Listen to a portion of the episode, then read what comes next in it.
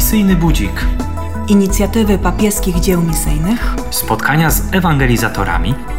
Troska, aby wszyscy poznali Chrystusa. Słuchaj, weź udział, wspieraj misjonarzy. Witam Państwa w kolejnym misyjnym budziku. Przy mikrofonie jak zawsze siostra Aleksandra Szyborska, uczennica Boskiego Mistrza. Listopad to taki czas, kiedy modlimy się za naszych braci i siostry w tych miejscach na ziemi, gdzie Kościół, gdzie chrześcijanie są prześladowani. W tym roku, akurat 13 listopada, wypadł dzień organizowany w Polsce przez Pomoc Kościołowi w Potrzebie, Dzień Solidarności z Kościołem Prześladowanym, a w następną niedzielę modlimy się dzięki inicjatywie Open Doors organizacji, której przedstawiciela witam na naszej antenie, pan Łukasz Wilczyński. Szczęść Boże, dzień dobry. Dzień dobry, szczęść Boże. Rzeczywiście te dwie niedziele listopada, druga i trzecia, wyznaczają nam takie punkty w tym miesiącu, żeby modlić się, pamiętać o prześladowanych chrześcijanach. Ponieważ po raz pierwszy mówimy o organizacji Open Doors, to proszę kilka słów też o tym czasie Waszej działalności, ponieważ do domu Ojca wrócił Wasz założyciel. No tak, ale od początku rzeczywiście organizacja powstała w 1955 roku, czyli istniejemy już ponad 65 lat. Pomagamy w około 70 państwach na całym świecie. Jesteśmy do tego obecni w około 20, 20 kilku tak zwanych państwach wolnych, tak jak Polska, skąd organizujemy przede wszystkim taki duży ruch modlitewny wspierający prześladowanych chrześcijan, ale stąd też organizujemy pomoc dla nich, a ta pomoc to jest przede wszystkim odpowiedź na potrzeby, konkretne potrzeby chrześcijan, którzy mieszkają w krajach, gdzie te prześladowania są największe. Właśnie Open Doors pokazuje nam tę statystykę 50 krajów najbardziej prześladowanych. Tak, na początku roku w styczniu publikujemy Światowy Indeks Prześladowań. Pierwotnie to była dla nas informacja wewnętrzna, nie tylko będąc w tych krajach i pomagając, ale też obserwując pewne zjawiska, byliśmy w stanie skategoryzować formy prześladowań, ale byliśmy też w stanie stworzyć indeks. Indeks krajów, gdzie prześladowania są bardzo wysokie i ekstremalnie wysokie. W przyszłym roku to już będzie 30 lat, odkąd publikujemy dla wszystkich ten indeks prześladowań, aby był taką inspiracją do tego, gdzie nieść pomoc, za jakie kraje się modlić. Kilka słów o waszym założycielu, bo on, jego historia w ogóle i wasza historia jest związana przecież z Polską. Andrew, młody chłopak, który przyjechał tutaj do Polski właśnie w 1955 roku, tuż po studiach, przyjechał z Holandii. Andrew przyjechał do Polski na zjazd młodzieży socjalistycznej. Chciał zobaczyć, co to jest ta młodzież socjalistyczna, bo chciał zobaczyć, czym się różni od zwykłej młodzieży. Ale że był wierzący, chciał zobaczyć, jak tutaj żyje Kościół, właśnie za żelazną kurtyną. I proszę sobie wyobrazić, nie znając języka polskiego, komunikując się tylko po angielsku, podchodził do przypadkowych osób i prosił ich, żeby pokazali mu kościoły tutaj w Warszawie, żeby zapraszali go do siebie i rozmawiał. Był bardzo otwarty i zobaczył, że z jednej strony w Polsce ludzie są bardzo wierzący, kochają Boga, chcą się spotykać, modlić, ale zobaczył też, że ludzie tutaj się boją. To było lato 1955 roku, kiedy to kardynał Wyszyński był jeszcze we więzieniu. Ludzie się bali, ludzie pamiętali wywózki księży na wschód, do, na Syberię. Gdy on zagadywał kogoś, czasami w autobusie, to ludzie mówili nie, nie, ściszali głos, nie mów teraz o tym, pogadamy później, zmieńmy temat, bo bali się agentów, bali się donosicieli. I tak się zaczęło jego przyjazdy do Polski. Zaczął tutaj na tyle, na ile mógł pomagać. No wyobraźmy sobie, pojedynczy młody człowiek, co on może? No mógł dwa, trzy razy w roku przyjeżdżać do Polski i w swoim plecaku przemycać Biblię po kilka, kilkanaście egzemplarzy. To było nielegalne. Ale był tak zapalony do pomocy chrześcijanom w Polsce, że dołączało do niego coraz więcej osób na Zachodzie. Chcieli go słuchać, chcieli go wspierać. I tak powstawała organizacja. W pewnym momencie ta organizacja też nawiązała współpracę z księdzem Blachnickim i tak powstał taki wielki ruch przemytu Biblii na wschód. O tym można by dużo opowiadać, a tutaj jesteśmy ograniczeni czasowo. Można doczytać w książce o nazwie Boży Przemytnik. Polecam. Dlaczego nazywacie się Open Doors? Komu otwieracie drzwi? Nazwa powstała dosyć późno. Na początku ten ruch pomocy prześladowanym chrześcijanom, najpierw tutaj na wschodzie, ale potem w innych krajach, on był niesprecyzowany. Różne grupy różnie się nazywały. Niektórzy mówili o sobie Boży Przemytnicy, niektórzy mówili o sobie jeszcze inaczej. Natomiast zauważył nasz założyciel, brat Andrew, że wszędzie tam, gdzie idzie i wszystko to, co robią ludzie z nim związani, właśnie z tą organizacją, Pan Bóg błogosławi i otwiera nam drzwi. I nawet w takich miejscach, do których człowiek y, rozsądny w życiu by nie poszedł, Pan Bóg nie tylko prowadził, ale otwierał drzwi, żebyśmy mogli pomagać naszym siostrom i braciom prześladowanym.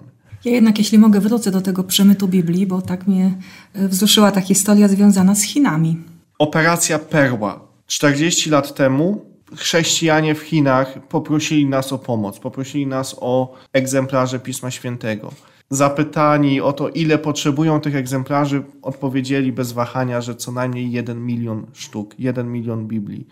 I operacja Perła polegała na tym, że w ciągu jednej nocy wynajętym i specjalnie przygotowanym kutrem udało się nam przemycić do Chin 1 milion egzemplarzy Pisma Świętego. W tym brało oczywiście udział wiele osób po stronie europejskiej, czyli tych przemytników, ale też po stronie chińskiej, czyli chrześcijan, którzy narażali swoje życie i zdrowie i bezpieczeństwo swoich rodzin, aby te Biblię przyjąć i w ciągu tej jednej nocy je przekazać dalej. Jedna grupa chrześcijan właśnie w Chinach, którzy odebrali już część tego transportu, wiele egzemplarzy y, Pisma Świętego, zostali złapani oni trafili na przesłuchanie, ale służby, które ich złapały, zobaczyły, że to są Biblie i z tej takiej wściekłości do Słowa Bożego wyrzucili te wszystkie egzemplarze do szaletu, do ubikacji. No proszę sobie wyobrazić, nie chcę tu na antenie mówić o szczegółach, ale po prostu to wrzucili do tego szaletu.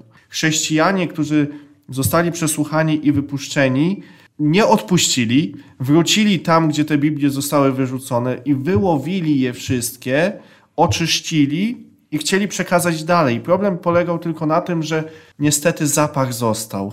I co tu zrobić? Po prostu użyto zwykłych perfum i te Biblie poperfumowano i przekazano innym chrześcijanom i do dzisiaj w Chinach krążą historie o tym, jak ktoś dostał Biblię, która pięknie pachniała. A za nią właśnie stoi taka historia. E, więcej takich historii e, można spotkać, zobaczyć, odsłuchać w magazynie Open Doors. Można zasubskrybować Wasz kanał na YouTube, ale także można zamówić bezpłatny egzemplarz e, takiego magazynu w wersji papierowej. Każdy z tych magazynów wychodzących co miesiąc ma swoją tematykę. Chciałabym zapytać o jedną z nich, związaną z tym, czego się nie spodziewałam, że w ogóle się tym zajmujecie, a jakie to jest bardzo ważne. Chodzi o straumatyzowanych chrześcijan, którzy na przykład stracili członka rodziny podczas prześladowań y, i mają problem ze swoją wiarą. To są tak zwane warsztaty radzenia sobie z traumą. Prowadzimy je w różnych częściach świata, zależnie od potrzeby. Proszę sobie wyobrazić sytuację w Iraku. Jest kobieta, która przez 4 lata była więziona przez terrorystów z państwa islamskiego. Udało jej się po tym czasie uciec, albo została odbita przez wojsko, albo porzucona przez swojego porywacza. I ona z tej niewoli wraca z dzieckiem, albo z dwójką dzieci, albo w ciąży, bo przecież tam była traktowana jako taka w cudzysłowie przymusowa żona. Wraca do swojego domu i w tamtej kulturze czekają na nią dwa przyjęcia. Albo mąż jej mówi, cała rodzina jej mówi: Jesteś nieczysta, masz nieślubne dziecko, nie, nie obchodzi nas z jakiego powodu, wynocha z domu. Albo mąż mówi jej tak: Nie było cię 4 lata, jakieś dziecko tu kręci się wokół ciebie, nie rozmawiajmy o tym. Temat tabu. Udawajmy, że nic się nie stało. I co taka kobieta ma zrobić? Gdzie ma pójść? I właśnie w Iraku prowadzimy takie warsztaty, warsztaty radzenia sobie z traumą.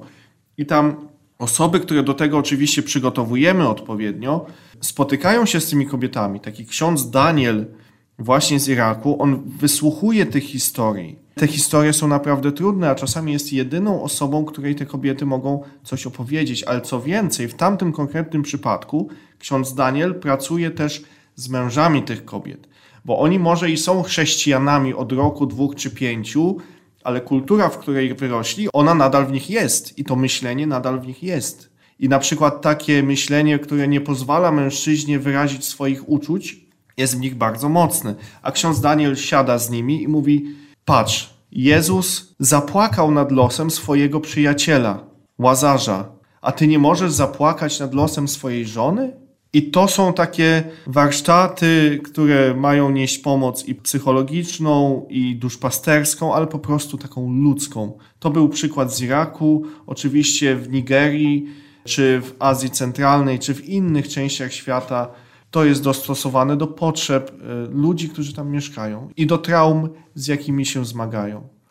Mówimy o e, takiej potrzebie specjalistycznej, chociażby właśnie psychologicznej, duchowej, ale każdy z nas może pomóc, na przykład przez pisanie listów. Siostro, sytuacja jest taka: jest dwóch braci w Bangladeszu. Pochodzą z rodziny tradycyjnej y, buddyjskiej, ale zostają chrześcijanami.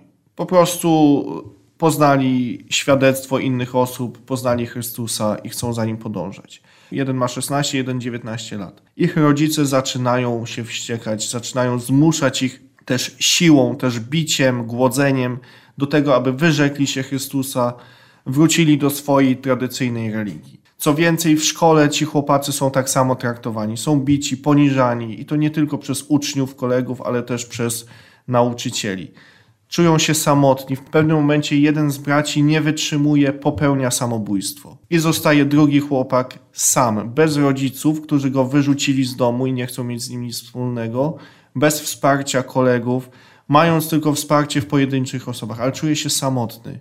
I lokalny kościół kontaktuje się z nami, niesiemy pomoc różną, i materialną, i edukacyjną, i, za, i gwarantujemy bezpieczeństwo ale pierwsze, co robimy, to uruchamiamy kampanię modlitewną, gdzie mnóstwo ludzi nie tylko się modli za niego, ale pisze do niego listy wsparcia z całego świata. I gdy on dostaje tych setki, tysiące listów, on widzi i ma dowód na to, że nie jest sam, że są ludzie, którzy o nim pamiętają, a ta samotność jest w nim w tym momencie bardzo wielka. Trzeba mu pomóc, po prostu trzeba mu pomóc, a jeden zwykły list, który ktoś z nas napisze, naprawdę może dużo zmienić. Te opowieści można mnożyć, ale rozmawiamy w kontekście 20 listopada, kiedy to zapraszacie nas, jako organizacja Open Doors, do włączenia się w modlitwę. Przede wszystkim są pewne materiały gotowce, tak zwane, które można pobrać z naszej strony. Są to materiały dla dorosłych i dla dzieci, abyście Państwo mogli samodzielnie w swojej wspólnocie czy parafii poprowadzić takie spotkanie. Tam jest propozycja jakiegoś rozważania, propozycja modlitwy, wszystko przygotowane, aby to Państwu ułatwić. Zobaczcie sobie na naszą stronę, weźcie sobie te materiały, ale nawet zadzwońcie do nas albo napiszcie maile i powiedzcie, robimy takie spotkanie, czy ktoś od Was mógłby nas odwiedzić. Mamy taką działalność, to się nazywa działalność prelegencka, kiedy jeździmy przez cały rok w dowolnym momencie po parafiach, wspólnotach, grupach modlitewnych, opowiadamy i wspólnie modlimy się za prześladowanych chrześcijan. A że trudno się modlić za kogoś, kogo się nie zna, to zachęcamy do tego, abyśmy wspólnie poznali te historie tych ludzi, ich świadectwa i wtedy za nich się modlili. A jak ktoś nie zdążył się zorganizować już na listopad, zachęcam do kontaktu z nami tak czy inaczej, żebyśmy w ciągu roku się poznali, spotkali i abyśmy na przyszły listopad mogli coś e, wspólnie zorganizować. Rozmawiamy w kontekście rozpoczynających się Mistrzostw Świata w piłce nożnej w Katarze. Tam też y, chrześcijanie potrzebują wsparcia i zresztą y, mają taką nadzieję, że y, świat, którego oczy zwrócone są właśnie na, na to miejsce, że dostrzeże także ich problemy. Tak, w tamtym rejonie świata chrześcijaństwo jest traktowane jako religia drugiej kategorii. Chrześcijanie, a szczególnie chrześcijanie nawróceni z islamu, żyją w wielkim niebezpieczeństwie muszą ukrywać swoją wiarę i przez to ich życie jest zupełnie inne od tego, które my tutaj mamy, gdzie możemy otwarcie wyznawać Chrystusa. To, o co nas proszą, to mówią tak: przyjedźcie, cieszcie się futbolem, pójdźcie na mecz, ale pomódlcie się za nas. Albo pokażcie w jakiś sposób, że o nas pamiętacie, nie wiem, jakimś drobnym gestem, rozmową. Pokażcie nam, że nie jesteśmy sami, bo to o to chodzi, żebyśmy byli wspólnie, razem w jednym kościele. Więc jak oglądamy mecze, nawet tutaj z Polski, pomódlmy się też za chrześcijan z Kataru. To tylko o to chodzi. I, I, taka drobna rzecz, a dla nich ma wielką wagę. Żeby oni nie byli sami. Dlatego te wszystkie animacje i dlatego współpraca z papieskimi dziełami misyjnymi. Dokładnie tak. No, myślę, że tutaj będziemy mieli wiele wspólnego do powiedzenia i zaproponowania Państwu. Szczególnie, że nieustannie przekonuję się, że świat misji i świat chrześcijan prześladowanych jest tym samym światem, a co więcej, cały Kościół jest jeden Kościół. Nie ma Kościoła misji, nie ma Kościoła prześladowań, nie ma Kościoła wolnego. Jest jeden Kościół, jedno ciało i dlatego to wszystko powinno działać ku większej chwale Pana Boga i też ku zbudowaniu naszych braci i sióstr, którzy cierpią. Naszym gościem był Łukasz Wilczyński z organizacji Open Doors. Mówię dziękuję, ale też mówię do usłyszenia. Do usłyszenia. Pozdrawiam serdecznie. Misyjny budzik. Inicjatywy papieskich dzieł misyjnych. Spotkania z ewangelizatorami. Troska o to, by wszyscy poznali Chrystusa. Słuchaj, weź udział, wspieraj misjonarzy.